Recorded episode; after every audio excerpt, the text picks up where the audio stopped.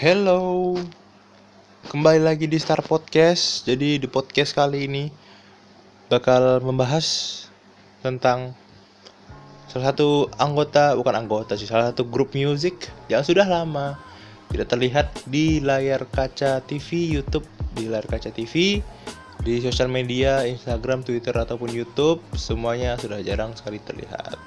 Terakhir terlihat itu, terakhir aktif itu di sosial media 8 atau beberapa bulan yang lalu itu sempat aktif dan sempat bikin heboh satu Indonesia nggak bikin heboh sih sampai trending di Twitter hashtag grup ini gitu. dan sebelum gue mulai alangkah baiknya gue memperkenalkan diri dulu karena di episode-episode yang sudah gue tayangkan atau gua publish itu gua nggak sempet kecuali di episode 1 so kecuali di episode 1 gue tuh nggak perkenalkan diri di awal. Jadi perkenalkan diri dulu gua. Nama gue bintang. Gua adalah bisa dibilang gimana ya seorang laki-laki biasa mas-mas biasa yang emang suka buat podcast gitu loh udah gitu doang sih. Dan jangan lupa follow partner gue yang juga ada gue sebagai anggotanya yaitu Bapak Berbicara. Di Spotify juga silahkan dicari sudah dua episode di saat podcast ini dibuat itu sudah dua episode yaitu episode pertama tentang sekolah online offline habis itu tentang episode kedua itu tentang TikTok gitu walaupun di podcast gua di Star Podcast bakal ada bakal ada ini sih episode tentang TikTok sih. Jadi tungguin aja lah ya. Kalau misalnya udah gua posting artinya udah gua record kalau misalnya belum artinya tinggal gua posting gitu. Jadi hari ini bakal gue bahas itu sebenarnya salah satu grup band dari Inggris yang sudah banyak orang kenal. Banyak sekali orang kenal. Dan mereka itu berawal dari salah satu ajang pencarian bakat di Inggris. Dan dibentuk karena ketidaksengajaan. Mereka adalah audisi audition di salah satu pencari bakat. Dan mereka semua gagal. Dan dipersatukan menjadi sebuah grup band di saat itu. Dan ternyata karena mereka lebih sukses dibanding lawan-lawannya, walaupun mereka nggak menang di acara pencari bakat itu, tapi mereka cukup sukses, mendapatkan sukses dari media sosial dan lain-lain. Jadi yang bakal gue bahas adalah One Direction. Salah satu grup yang gue suka juga walaupun gue sebenarnya bukan fans sejati bener-bener wah ini apa namanya mantengin One Direction berita-berita baca semua enggak gue nggak gitu. Gue kayak kalau misalnya comeback ya udah kalau enggak enggak gitu ya nggak apa-apa gitu ya udah. Tapi gue berharap comeback gitu. Karena gue sudah cukup muak dengan K-pop K-pop sebenarnya. Gue nggak muak sama lagunya lagunya bagus-bagus gue ada beberapa yang masih nyantol di kepala gue kadang-kadang gitu yang kalau misalnya duet sama dua lipa gitu itu masih nyantol gue masih bisa terima lah tapi yang gak gue suka itu adalah penggemarnya asli penggemarnya tuh uh, kalau dipersenin di persentase itu mungkin 65% atau 55% penggemar K-pop itu norak. Contohnya, contohnya. Yang paling pertama itu sering banget kejadian fans One Direction itu Directioners dan Army lah kalau nggak salah. Pokoknya fans K-pop gue taunya Army doang. Sorry nggak tahu yang lain gitu. Padahal soalnya dia paling terkenal. Sama Blackpink sih cuma Blackpink nggak tahu apa Black Purse Blackpink apa sih nggak tahu kan dan sering banget ribut gitu loh fansnya. Tapi rata-rata yang gue tahu dan gue cermati itu tuh fans fans bocil pak. Kayak baru kenal uh, misalnya si Army itu apa sih? Army Army itu apa? BTS ya kenal BTS tuh kayak baru satu hari atau masih berapa jam yang lalu. Habis itu sotoy sotoy. Seakan-akan tahu semuanya ya kan? Ya biasalah bocil dikasih HP kayak gitu. Untungnya adek gua enggak kan? Adek gua kelas adek gua tuh kelas berapa ya? Kelas 4 atau kelas 3 gitu. Dikasih HP karena sekolah online juga kan? Jadi ya walaupun masih dikontrol sih dan gue nggak mau nggak pokoknya adik gue tuh nggak dikasih main sosial media kecuali YouTube gitu udah. Dan untungnya adik gue nggak macam-macam kan nggak nggak coba-coba. Jadi bagus lah adikku bagus kalian dah. Tidak mencoba Instagram dan tidak keep kipopan bagus. Jadi One Direction atau satu arah kalau bahasa Indonesia-nya ya kan? Terbentuk dari The X Factor pada tahun 2010 yang berisikan yang berisikan yang terdiri dari Niall Horan, Liam Payne, Harry Styles, Louis Tomlinson, and Zayn Malik. One Direction adalah salah satu grup atau sebuah grup vokal Inggris Irlandia tapi berbasis di London. Dia itu di mereka itu dikontrak oleh kontrak rekaman Simon Cowell Psycho Records. Kalau misalnya kalian sering atau kalian fan One Direction pasti tau lah Psycho Records itu apa. Dan mereka itu terbentuk tapi mereka itu kalau nggak salah keluar awal di X Factor. Jadi nggak sampai juara gitu loh. Dan di tahun 2010 mereka cukup sukses terutama melalui sosial media sukses banget. Dan telah meluncurkan 5 album yaitu Up All Night pada tahun 2011, Take Me Home 2012, Midnight Memories 2013, album Four yang masih ada desainnya itu 2014 dan album Made in the AM tahun 2015 itu udah udah gak ada desain tuh. Lagu yang paling paling hit lah dari One Direction itu What Makes You What Makes You Beautiful? Ya itu. Live Well Where We Are Young. Best Song Ever Story of My Life dan Drag Me Down. Sebenarnya kalau menurut gue history juga termasuk sih. Dan kalau menurut gue One Direction itu salah satu konser paling pecah di San Siro. San Siro itu sampai ada ini ya sih. Ada movie-nya itu pecah banget pak. Gue kalau misalnya nonton itu merinding sih. Asli merinding banget Psycho itu label dari One Direction dari Columbia. Tentunya dari Columbia. Genre itu pop ya pop pop remaja gitulah. Dan mereka itu pernah mendapatkan penghargaan. 6 Brit Awards 4 MTV Video Music Awards 11 MTV Europe Music Awards 7 American Music Awards dan termasuk kategori Artist of the Year pada tahun 2014 dan 2015 dan 28 Teen Choice Awards. Bagi nggak tahu, Teen Choice Awards itu adalah salah satu apa ya acara TV yang paling sering di yang gua lihat itu di Nickelodeon ya itu paling sering tuh Teen Choice Awards kalau nggak salah ya. Tuh. Mereka itu terdiri dari lima orang. Pada tahun 2015 salah satu um, personel mereka kalau nggak salah tahun 2015 salah satu personil mereka itu bisa dibilang apa sih? Hengkang lah istilahnya.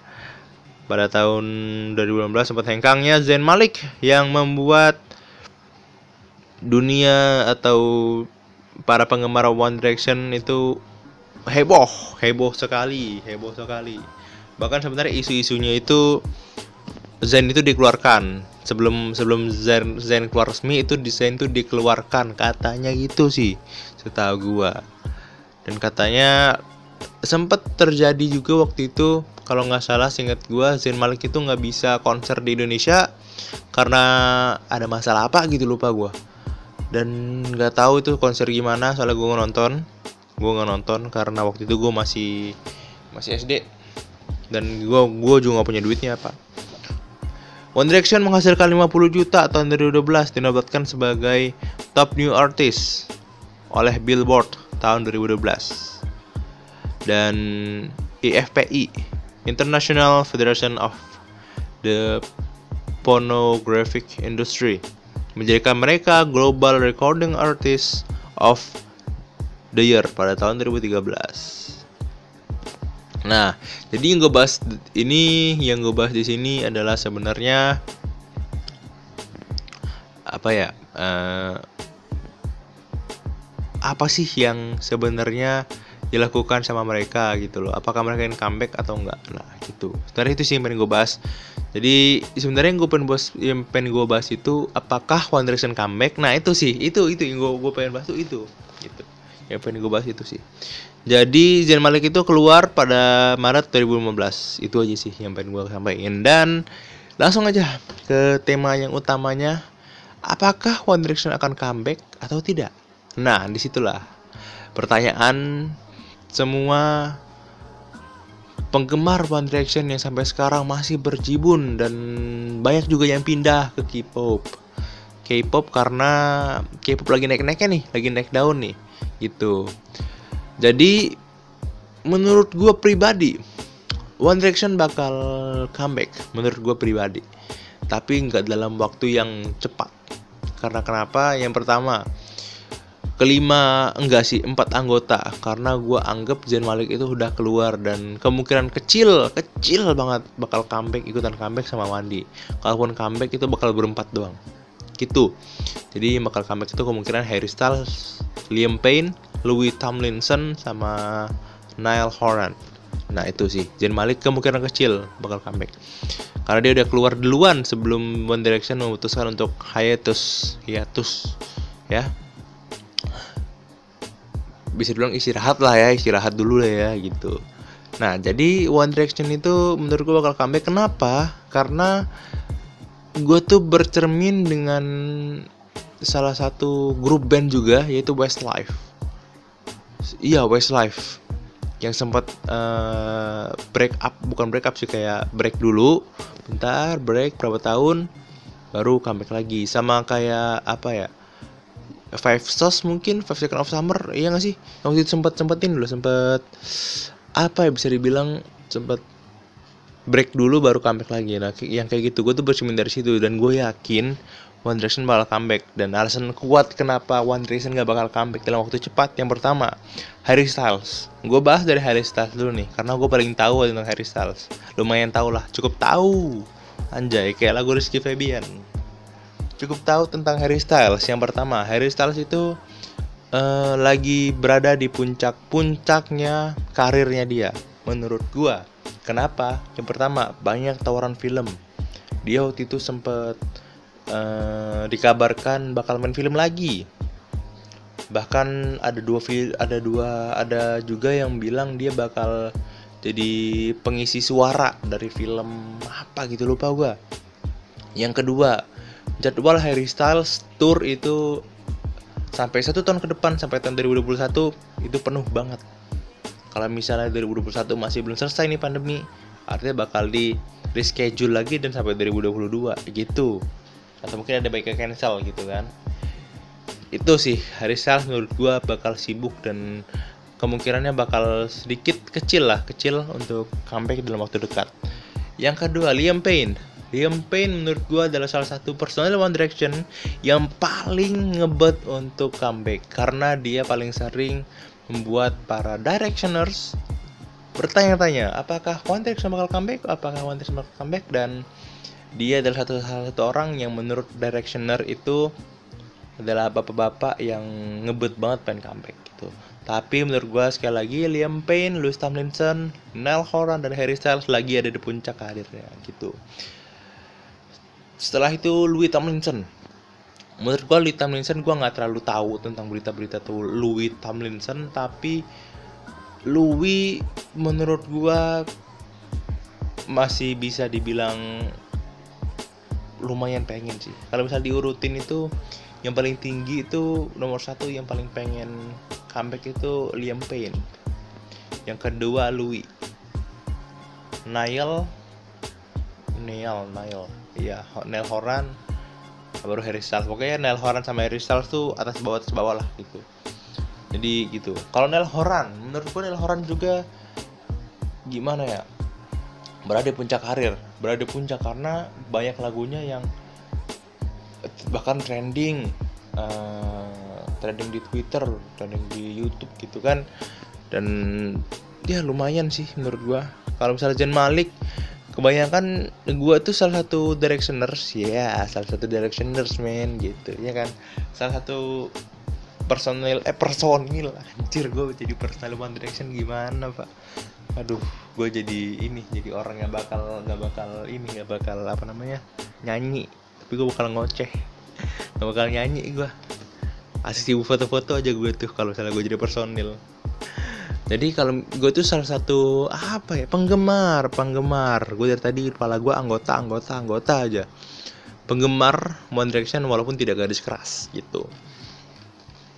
Kenapa gue bilang uh, Zain Malik itu udah bukan sempet jadi anggota tapi sekarang dia udah bukan. Gitu loh. Karena menurut gue sesuatu yang ah, bukan sesuatu sih kalau misalnya anggota band yang sudah dikeluarkan itu bakal kecil kemungkinan balik lagi. Contohnya Onadio Leonardo itu paling gue tahu sih dari Killing Me Inside. Yang lagunya itu biarlah. Cari sendiri di YouTube malas gue itu dikeluarkan dari Killing Me Inside. Habis itu dia nggak balik lagi dong. Ada sih Killing Me Reunion. Tapi reuni doang gitu kan. Cuman dalam uh, berapa panggung satu panggung satu panggung gitu kan. Kalau misalnya sekarang itu dia di Lyon bersama Rudy dan Okin pasti tau lah Okin Okin ini loh. Siapa sih nama istrinya itu lupa gue Dia sama Okin gitu. Nah kalau misalnya ini terjadi One Direction kemungkinan besar bakal comeback dengan empat personil mereka yang tersisa. Harry Styles, Liam Payne, Neil Horan, Louis Tomlinson. Karena kenapa? Mereka adalah personil yang di mana bertahan sampai mereka memutuskan untuk udah deh stop dulu deh istirahat dulu deh. Nah, tapi Zayn Malik keluar satu tahun sebelum. Karena menurut setahu gue One Direction itu break up atau istirahat dulu selama eh selama pada tahun 2016 jadi kayak gitu. Kemungkinan Zayn Malik comeback itu kecil banget. Dan kebanyakan orang atau direction direction itu yang garis keras ya itu pengen banget menginginkan Zayn Malik. Gue tahu gue bener-bener tahu.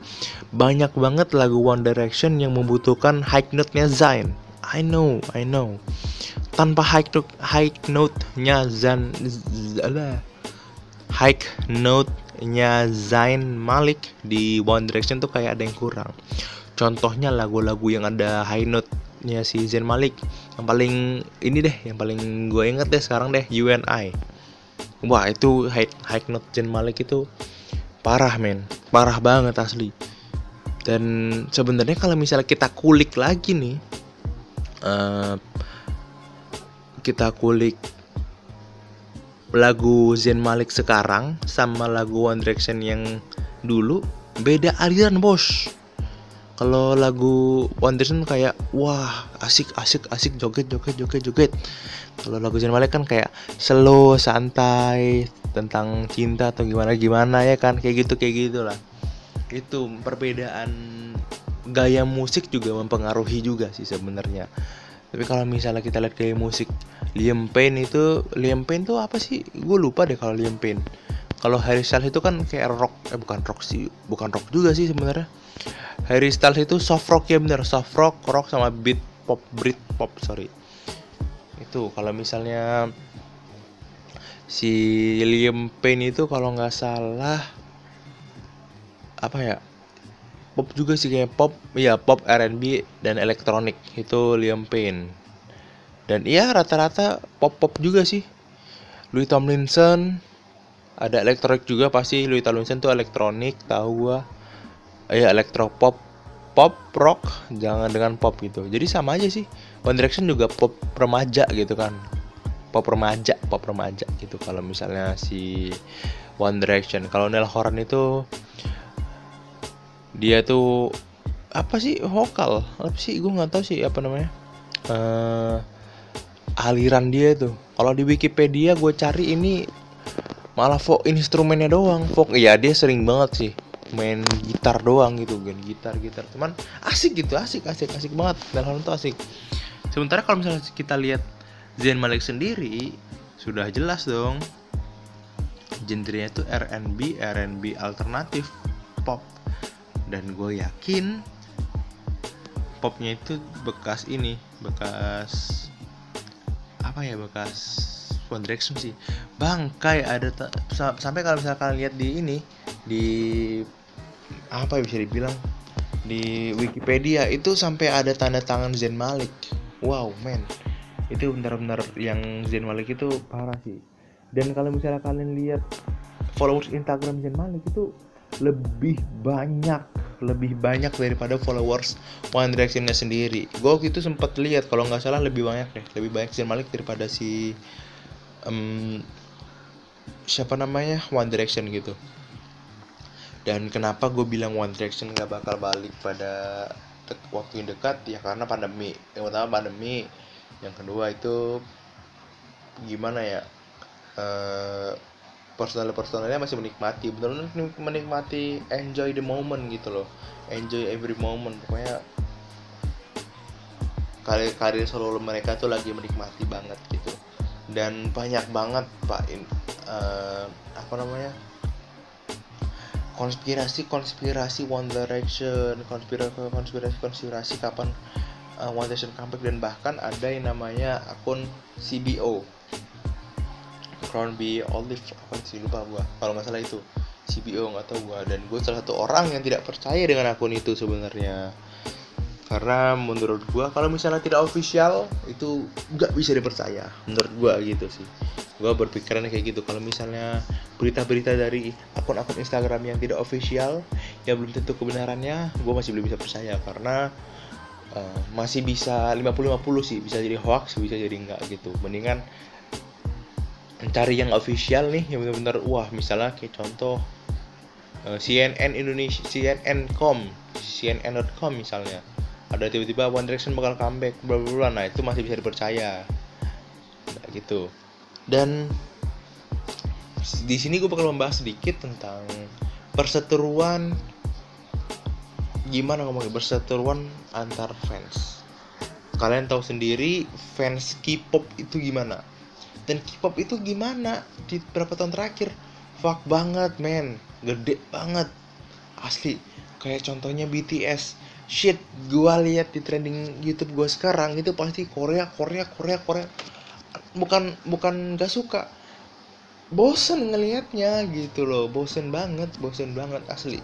Kayak gimana ya? Udah sih itu itu aja. Kalau nggak trending YouTube tuh kalau nggak BTS ya Korea Korea yang lain Five Minute Craft abis itu ini eh, prank-prank jadi pemulung giveaway giveaway. Nah sebenarnya tidak masalah dengan giveaway cuman bakal saya bahas di podcast berikutnya biar jadi konten lagi dong. Ya lah ya gue tuh emang the master gitu. Anjay the master loh. The master of konten asik. Gue tuh pengen banget bisa ngelawak tapi gue nggak lucu loh asli. Kalau bisa di bawah berbicara tuh yang yang ngeluarin jokes jokesnya tuh sebenarnya tuh Adit Adit Pandu Alek gitu gue tuh kayak sebagai udah yang ngomong doang ngomong panjang lebar ngomong panjang lebar. Tapi gue nggak tahu jokes gue bakal di mana ntar. Lalu gue nggak bisa nggak bisa gue jadi jadi pelawak susah jadi orang yang lucu tuh susah. Makanya gue lebih baik jadi orang yang menghibur dengan cara lain contohnya buat podcast buat YouTube ya itu gue bisa bisa menghibur dengan cara-cara seperti itu. Nah balik lagi ke tema yang tadi yaitu perseteruan antar fans sebenarnya menurut gua itu adalah sesuatu hal yang lumrah eh lumrah lumrah dilakukan oleh salah satu fans grup band dan grup band lainnya. Bisakah BTS dibilang grup band? Saya tidak tahu. Karena menurut saya grup band itu adalah kalau misalnya tampil perform itu tidak lip sync tapi nyanyi live. Menurut saya pribadi kalau tidak suka opini saya ya sudah jangan hujat. Ya nggak apa sih dihujat gue nggak apa sih dihujat gak apa asli. Gue nggak apa nggak apa dihujat biar tiba-tiba viral ya kan? Viral. Wah. Podcast semakin semakin didengar. Wah, mantap. Jadi seperti itu. Sebenarnya hal yang lumrah untuk berseteru dengan fans lainnya. Contohnya kayak fans Persib sama Arema lah. Eh Persib Arema Persib Persija lah Persib Persija tuh. Wah udah kayak fan fans kan kayak wah gelut gelut gelut gelut ya gelut gelut. Wah gitu kan. Kalau misalnya directioner sama uh, army lah gue taunya army dong ya sorry nih. Atau fans K-pop lah ya. Itu kayak sebenarnya gak masalah. Gue jujur gak masalah cuman lama kelamaan ganggu gitu. Karena gue tuh sebenarnya nggak ada masalah. Kalau misalnya di yang di permasalahan tuh kayak lagu misalnya Still My Girl jadi Still My Father gitu kan Still My Mother Still My Sister ya nggak apa-apa gitu. Tapi kalau misalnya udah menyangkut menyangkut prestasi bla bla bla ya enggak dong nggak gitu dong. Apalagi udah menyangkut personal men. Wah shit banget itu. Gue nggak benci banget dengan kayak gitu. Misalnya wah Harry Styles itu um, covernya doang tapi pelangi covernya cover covernya doang. Uh, laki keras. Tapi pelangi enggak dong enggak gitu dong caranya. Tapi kalau misalnya kayak gitu ada tuh fans-fans K-pop yang kayak gitu. Wah begini begini begini. Tiba dibilang plastik mau marah. Kan aneh gitu kan. Kita juga juga bisa beropini dong. Kita juga punya punya hak untuk defense juga kan kita punya hak untuk counter mereka gitu loh. Tapi terkadang karena kebanyakan fans One Direction udah lama dan udah cukup punya umur dan berpikiran ya udah deh kalau fans-fans K-pop kayak gitu bocah lah bocah baru baru tahu HP kemarin ya kan? Jadi santai aja gitu. Tapi terkadang udah di udah didiemin diemin diemin makin ngelunjak dong itu bahkan ada ada satu akun di Instagram kalau kalian mulai tuh namanya gue gue buka bukan aja nih gue gue juga nggak suka sama akunnya sih. Remar Martin underscore OFC itu adalah salah satu akun Instagram yang merupakan fanbase dari Remar Martin. Kalau kalian tahu Remar Martin itu salah satu orang yang terzolimi oleh uh, cewek-cewek Indonesia karena seperti ini dihilangin Instagramnya itu loh. Sama para perempuan yang di Indonesia. Emang kalau feminisme sudah bergerak susah boy susah. Nah itu adalah satu, satu akun Instagram yang makin underscore FC gue gue sebutin karena biar semua orang tahu lah ya. Bahkan gue tuh sebenarnya buat ini nggak nggak untuk directioners doang untuk fans K-pop juga tahu gitu. Biar melihat lah. Dan mendengarkan opini gue bahwa enggak semuanya fans directioner itu kampung atau norak. Enggak enggak semuanya banyak kok yang banyak kok yang bener-bener gimana ya? Bener-bener bisa dibilang open minded dan tidak asal ceplos-ceplos gitu-gitu aja gitu loh. Tapi karena kebanyakan dan kita sudah maklum juga sih, gue juga sudah maklum sih. Dengan apa sih bisa dibilang? Kayak fans dari K-pop itu yang tingkah lakunya kayak bocah gitu gue masih biasa-biasa aja gitu nggak terlalu gimana-gimana banget. Karena kalau misalnya pun bener bocah ya artinya emang itu bocah gak asik gitu gak asik gak asik asik. Dan terkadang kan kalau misalnya bocor dikasih HP kan kayak oh uh gua tuh paling paling tahu ini tahu ini tahu ini. Mah dia masih baru bocah kemarin pagi gitu kan. Dan kenapa gua sebut Instagramnya? Karena udah terlalu berlebihan sih berlebihan banget. Dia bilang dia tidak uh, menyindir One Direction menyindir Directioners atau menjelek-jelekan One Direction tapi kontennya sendiri seperti itu dan gue sempat lihat itu adalah satu salah satu akun yang tidak bisa membuatkan membuat karya. Rata-rata ngambil dari orang ngambil dari akun Instagram lainnya. Sampai bahkan gobloknya ini gue langsung langsung kasar-kasar aja nih. Gobloknya akun ini ya gobloknya akun ini dia tuh sempat posting video yang ada watermarknya enggak dihilangin kan goblok.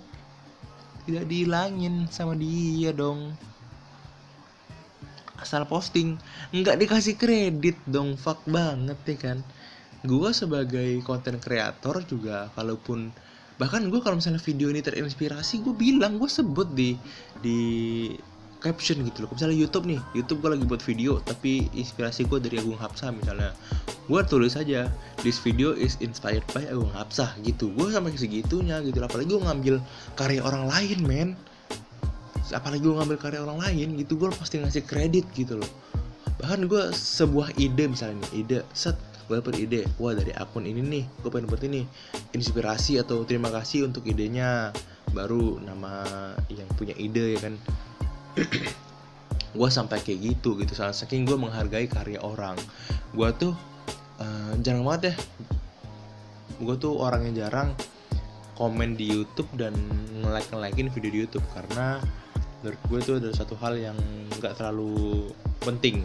Karena gue butuh kontennya bukan butuh jempolnya. Tuh. Dan gue tuh banyak orang yang bilang kalau beranda YouTube itu kan uh, contohnya nih kita nonton sekali dong kita nonton misalnya Raffi Ahmad giveaway. Eh maaf dong. Sebut ya lah misalnya Raffi Ahmad giveaway lah ya. Ya giveaway nih kita nonton sekali sampai habis ya kan? Nah habis itu ntar di beranda kita ada Raffi Ahmad yang lain-lain kan? Walaupun kontennya bukan giveaway doang kan? Podcast hosting lain-lain sama anaknya. Tapi mereka kayak loh kok ini mulu sih kok ini mulu sih. Ya itu beranda YouTube. Beranda YouTube itu ya kalau misalnya kalian tonton video yang kalian tonton tapi nggak subscribe itu bakal muncul-muncul terus di beranda anda. Sama saja sama yang anda subscribe juga. Pokoknya apa yang anda tonton bakal muncul di situ. Kalau misalnya kalian nonton giveaway ya muncul juga giveaway-nya gitu. Sama saja sama saja gitu. Sama kayak TikTok. Gue udah jelasin banyak lebar di video TikTok dan konspirasi eh video. Aduh keseringan buat YouTube sorry gue sempet bahas itu juga di podcast episode yang berapa itu lupa gue tentang TikTok dan konspirasinya tuh sempat bahas juga gue dan gimana ya kalau misalnya kalian mau nyerang akun Remar Martin underscore FC boleh deh langsung cari di Instagram dan report sekarang juga. Biarkan dihilang dari muka bumi seperti akun Remar Martin yang pernah hilang dari bumi. Dan sebenarnya gue tuh geser aja ya geser topik ke Remar Martin Remar Martin sebenarnya nggak masalah sih sebenarnya. Ada uh, wanita yang menurut gua humble sih. Karena di Instagram juga dia kayak rajin balesin komen abis itu uh, story storynya juga bukan cuma sponsor sponsor doang. Kadang dia bercengkrama dengan para penggemar penggemarnya gitu kan. Dan yang satu hal yang gua bikin gua heran kenapa bisa hilang? Gue tuh dulu nggak tahu sama sekali namanya Remar Martin gue taunya Gading Martin Roy Martin tahu gue itu itu pemain FTV main film gitu kan pembawa acara tuh gue tahu Gading Martin. Gue taunya Gading Martin. Gue secara manusiawi mikir dong hah Gading Martin? Apakah masih ada hubungan dengan Gading Martin? Apakah masih ada hubungan dengan Roy Martin? Gitu kan. Gue nggak tahu nah habis itu gue nggak terlalu gubris kan karena ya udahlah Remar Martin Martin wah nge, nge hype banget tuh.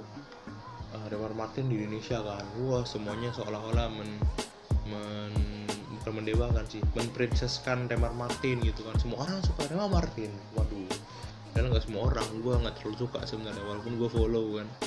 Tapi gue follow karena gue gue pengen uh, melihat bagaimana orang di orang yang asli di sosial media dan akun penggemarnya Remar Martin OFC ini gitu loh. Karena ternyata ter, bertolak belakang gitu loh. Bahkan sampai Remar Martin itu kayak orangnya bener-bener gimana ya bener-bener kayak suportif banget gitu sama para fans-fansnya tapi dan tidak pernah menyinggung apa pun menurut gue ya menurut gue tidak pernah menyinggung perasaan fansnya dan lain-lain gitu. Walaupun misalnya dia menyinggung gue yakin dia bakal minta maaf langsung. Tapi kalau Real Martin AFC ini kayak menyinggung menyinggung menyinggung menyinggung. Kalau misalnya tanpa menyinggung sehari itu kayak tidak ada kehidupan di hidup dia gitu. Nah kenapa gua pilih Real Martin sekarang? Tadi kan Martin udah tuh pindah ke Real Martin padahal tidak ada konteks kan jalan aja terus kata-kata gue kan emang anjir emang gue tuh. Gila ger banget ger banget. Real Martin itu sebenarnya nggak ada salah sih salahnya tuh cewek-ceweknya. Gue tuh sempet denger di ini di YouTube ngobam eh bukan ngobam sih ngobrak ngobrol ngacak Gofar Hilman sama si Uus. Yang mengatakan bahwa fem support apa sih namanya uh, apa sih aduh female support female apa cewek support cewek itu cuma ada di tongkrongan doang gitu loh. Tapi di live tuh nggak ada. Kalau nggak salah kayak gitu ya apa feminis feminisme itu ada di tongkrongan doang. Gue lupa deh apa gitu pokoknya uh, cewek beda cewek sama cowok tuh benar-benar beda. Karena cewek itu suportif di depan ngomongin di belakang kalau cowok ngomongin di depan suportifnya di belakang gitu kayak misalnya nih lagi uh, jalan-jalan kan. Set baju gue bagus gak cowok nih misalnya baju gue bagus gak wah jelek baju lu jelek.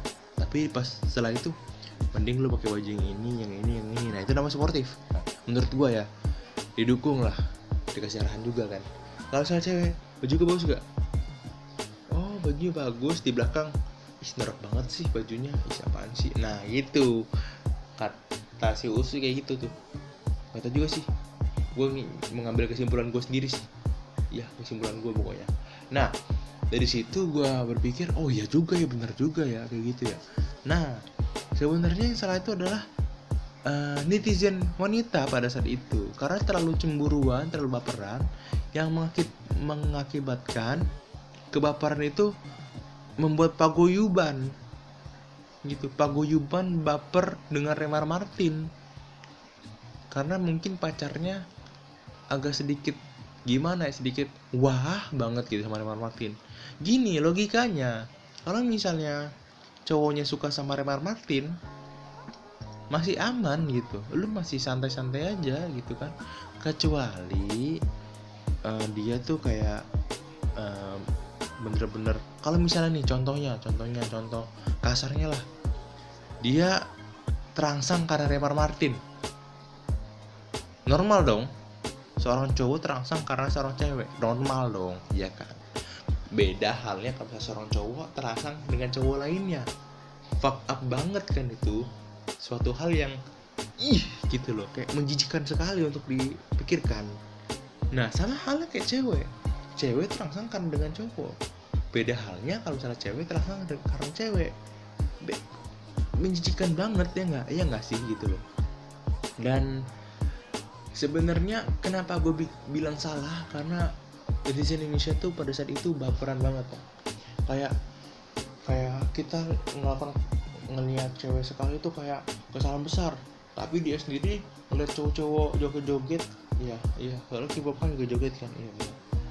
Joget joget gitu kan K-pop juga joget si siapa sih namanya? Lee Jongkok ya Lee Jongkok masih namanya? Nggak tahu lah. Gue taunya si Jongkok Jongkok gitu lah.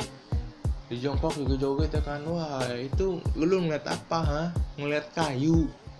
Batang pohon juga joget ha enggak dong.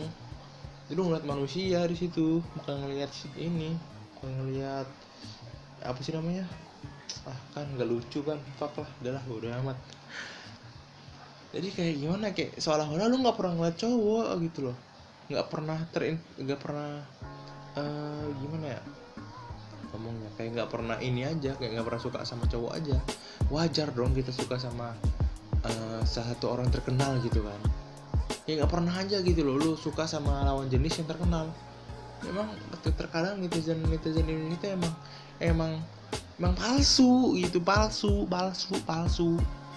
Kayak lebih baik menjaga image gitu loh menjaga image gitu. Raffi Ahmad pernah bilang uh, sebenarnya yang salah itu menjaga image. Salah itu menjaga image itu salah. Tapi yang benar itu jagalah diri lo baik-baik. Karena image lo itu kalau misalnya dijaga itu nggak bakal nggak bakal abadi gitu nggak bakal abadi gitu. Kata Raffi Ahmad tuh kayak gitu Raffi Ahmad men seorang siapa sih kan Raffi Ahmad? Di Trans TV ada di Facebookers ada di acara sahur pun ada gitu kan? Siapa yang tidak kenal Raffi Ahmad gitu? Di YouTube juga ada siapa yang kenal Raffi Ahmad? Siapa sih yang kenal? Kui Entertainment juga ada. Wah itu. Siapa yang tidak kenal Raffi Ahmad men siapa yang tidak kenal gitu kan? Kalau misalnya yang tidak kenal Raffi Ahmad artinya masih bocah. Baru kemarin sore tuh buang HP tuh. Taunya cuman bagaimana cara membuka YouTube membuka Twitter, membuka Instagram, membuka WhatsApp dan ngetik.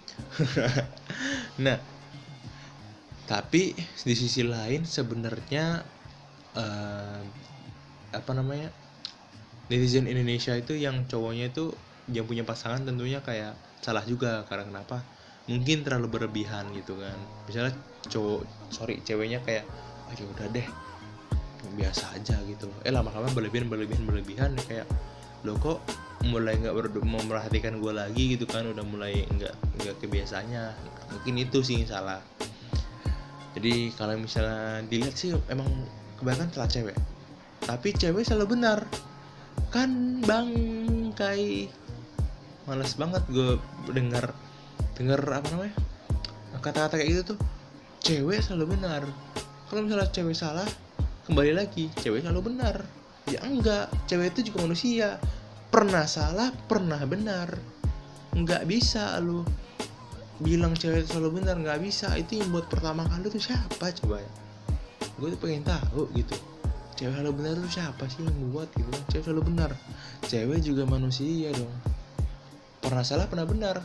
Kalau bahkan seorang nabi saja itu pernah salah Nabi Muhammad itu wajar dari konten religi. Makanya pokoknya Nabi itu salah satu Nabi itu pernah uh, apa namanya kayak bersalah gitu kan tapi karena dia suci itu langsung diangkat apa itu kesalahannya itu. Lupa gue lupa lupa lupa lupa lupa, lupa. itu tabu bukan tabu sih lebih ke nggak berkompeten di situ lah. Dan gue lupa juga di kisahnya kan udah lama tuh gue denger. Gue denger tuh waktu gue SMP kelas 1 jadi sekarang udah udah enam tahun ya enam tahun hilang. Enam tahun gue udah nggak pernah denger dongeng itu lagi kan. Bukan dongeng sih cerita. Dongeng kan kayak gimana itu cerita itu lagi udah jarang aja gitu kan. Dan ini sebenarnya podcast ini gue buat malam-malam jam 1.21 malam jam setengah dua. Dan sebelum gue tutup gue punya sedikit kata-kata indah lah ya untuk kalian semua kalau misalnya kalian yang dengerin lagi punya pacar atau gimana? Atau lagi jomblo? Gue punya sedikit kata. Walaupun sebenarnya kata-kata ini gue ya gue buat sendiri. Cuma menurut gue ya inilah yang bisa gue buat gitu loh. Dan uh, inilah yang bisa gue apa ya yang bisa gue buat dengan effort gue sendiri. Karena terkadang gue tuh buatnya ini uh, jiplak dari kayak misalnya dari film Dilan gitu kan. Dari uh, film-film romance gitu gue sering banget kayak gitu.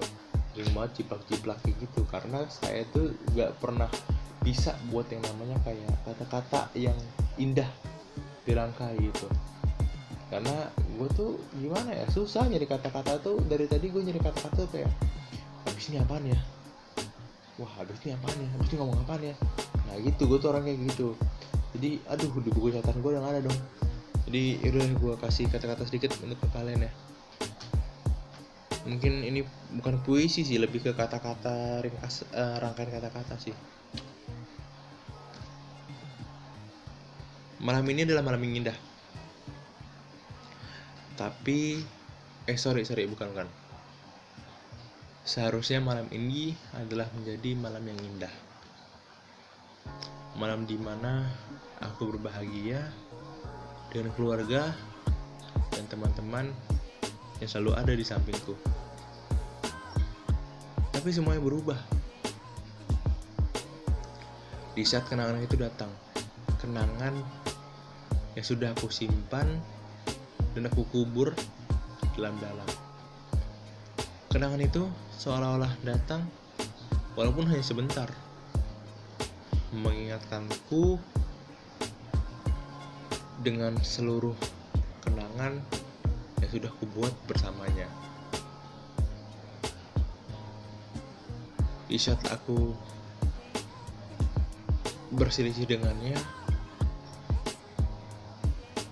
Aku mencoba melakukan semua kenangannya, tapi itu sulit. Karena kenangan yang kubuat dengannya terlalu banyak, sangat sulit untuk dilupakan. Mungkin sekarang sudah kubalas dengan senyuman, tapi di saat gua, aduh, tapi di saat aku ingin melupakannya, kenangan itu selalu membuatku sedih dan membuatku berpikir seharusnya aku tidak meninggalkannya andai saja ada mesin waktu. Aku akan kembalikan semuanya. Biar tidak ada biar tidak terjadi masalah yang membuat kami terpisah. Shit oke. Okay, jadi 45 menit. Podcastnya baru bentar cuy. Asli. Di dua di apa nih TikTok konspirasi. Habis itu di um, di episode pertama itu satu jam cuy sekarang 45 menit doang. Dan itu adalah kata-kata yang gue rangkai sedemikian lupa lah ya untuk kalian dengarkan sedikit. Walaupun menurut gue itu kata-katanya fuck up banget cuy. Gue tuh paling susah dari kata-kata sekali lagi. Dari tadi tuh kayak gue tuh ngomong sambil mikir anjir ini apa abis ini apa nih? Udah udah lumayan bagus. Ya elah patah lagi gue patahin lagi karena lumayan jelek kan tadi kan sempet tuh ada di beat mana tuh lupa gue dan jadi segitu aja podcast hari ini. Thank you udah dengerin. Dan kalau misalkan terhibur gue seneng banget kalau misalkan terhibur. Seneng banget seneng seneng senengnya dan semoga aja di masa pandemi kayak gini tidak ada yang positif. Hamil. Karena kalau positif hamil ya udah punya anak. Jadi thank you. Yang sudah dengerin thank you so much. Berapa kali gue ngucap